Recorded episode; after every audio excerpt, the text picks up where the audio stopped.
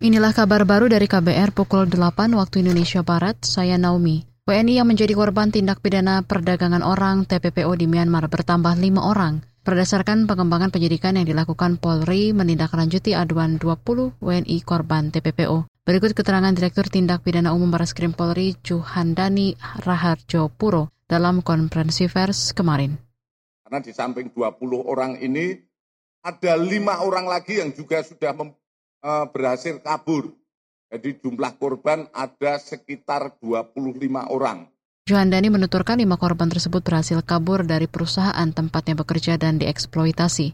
Saat ini ke-25 korban TWPO berada di keduaan, kedutaan besar RI di Bangkok. Kita ke informasi olahraga. Menteri Pemuda dan Olahraga Dito Aryo Tejo mengapresiasi seluruh kontingen SEA Games 2023. Hal itu diungkapkan Dito usai menonton laga final timnas sepak bola Indonesia melawan Thailand kemarin.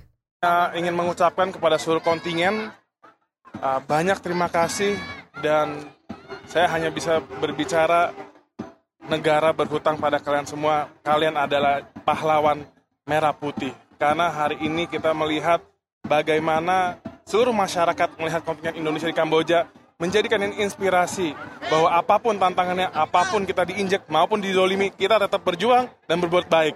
Saudara, pesta olahraga se-Asia Tenggara itu bakal resmi ditutup hari ini. Indonesia finish di peringkat ketiga dengan torehan 87 emas.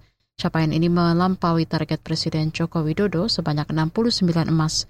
Indonesia juga menjadi juara umum di sejumlah cabang olahraga seperti bulu tangkis dan tenis. Kita ke Liga Champions. Inter Milan melaju ke final Liga Champions usai mengalahkan AC Milan dengan skor 1-0 pada laga leg kedua semifinal Rabu dini hari tadi. Nerazzurri lolos ke partai puncak karena unggul agregat 3-0 setelah menang 2-0 di leg pertama.